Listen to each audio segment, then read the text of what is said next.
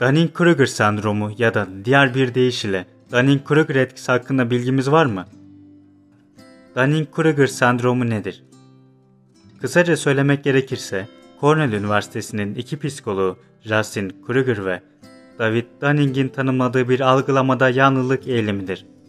Bu iki başarılı akademisyen, bilim dünyasına kazandırdıkları Dunning-Kruger sendromu ile 2000 yılında Nobel ödülü kazandılar.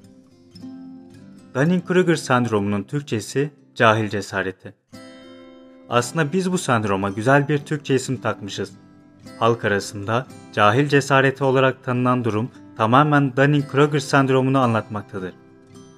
Justin Kruger ve David Dunning'in ortaya attıkları teori özetle, cehalet gerçek bilginin aksine bireyin kendine olan güvenini artırır, diyorlar.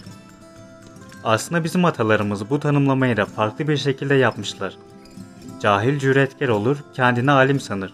Sözü tam da bu durum için söylenmiştir. Dunning-Kruger sendromu araştırmasının sonucunda sendromu özetleyen dört önemli sonuç ortaya çıkmıştır.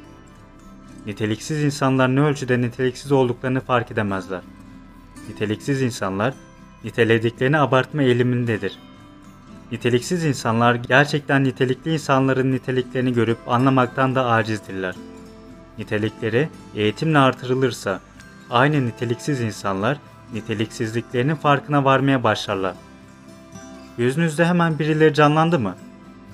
Ben bir solukta en az 10 kişi sayabilirim.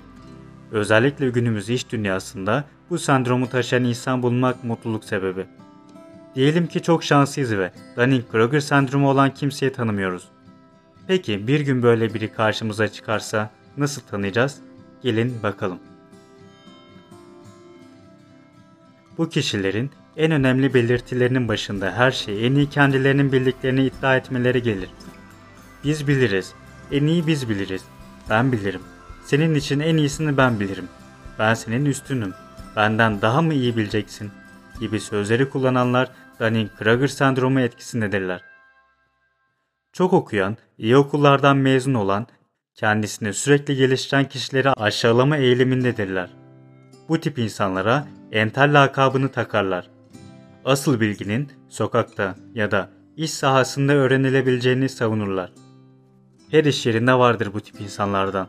Yaptıkları işten çok o işle ilgili konuşurlar.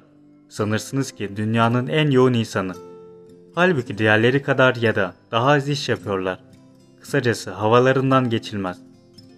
Az bilgilerine paralel olarak çok fazla alanda işlerini halletmek isterler.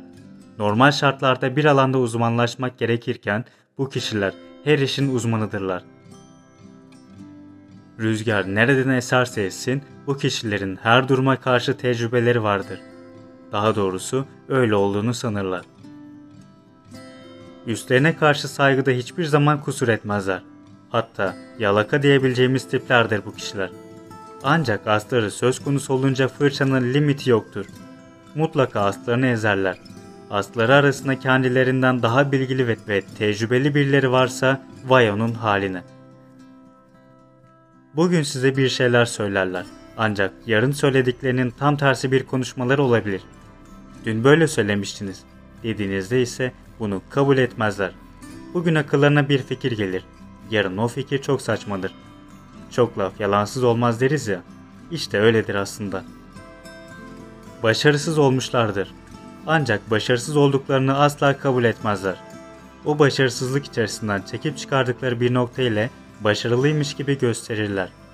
Bu kişilerin hayatta başarısız olduklarını göremezsiniz. Hata kabul etmezler. İlk maddede söylemiştim. En iyi onlar bilirler. Dolayısıyla onların doğruları kesindir. Üzerine tartışma bile yapılamaz. Bu doğruları size de inandırmak için bin türlü şey yaparlar. Sizi o doğrunun içine çekene kadar vazgeçmezler. Onlar yılmaz birer savaşçıdırlar. Olay gözünüzün önünde olmuştur. Şahit olmuşsunuzdur. Ancak bunun bir önemi yoktur. Bu kişiler ne diyorsa o doğrudur. Olayı sanki siz hiç şahit olmamışsınız gibi anlatırlar. Diğer her doğrularında olduğu gibi buna da sizi inandırmak için çabalarlar. Özetle Dunning-Kruger sendromu olan kişiler bilgi eksikliklerini egolarıyla kapatmaya çalışırlar. Bunu yapabilmek için aslını ezebildikleri kadar ezerler. Böylelikle her dediklerini doğru olarak kabul ettirebilirler. Genellikle üstlerine saygılı ve yakın davrandıkları için tercih edilirler. Doğrularını savundukları ve kabul ettirme konusunda çok tecrübeleri oldukları için de kolay yükselirler. Bu yüzden yönetim katında Dunning-Kruger sendromu olan çok kişi görebiliriz. Gerçekten bilgili olan ancak bunu ön plana çıkartmayan kişiler ise ne yazık ki Dunning-Kruger sendromu olan kişilerin hasta olarak çalışmak zorunda kalırlar. Videoyu beğendiyseniz kanala abone olup bu videoyu beğenerek bana destek olabilirsiniz.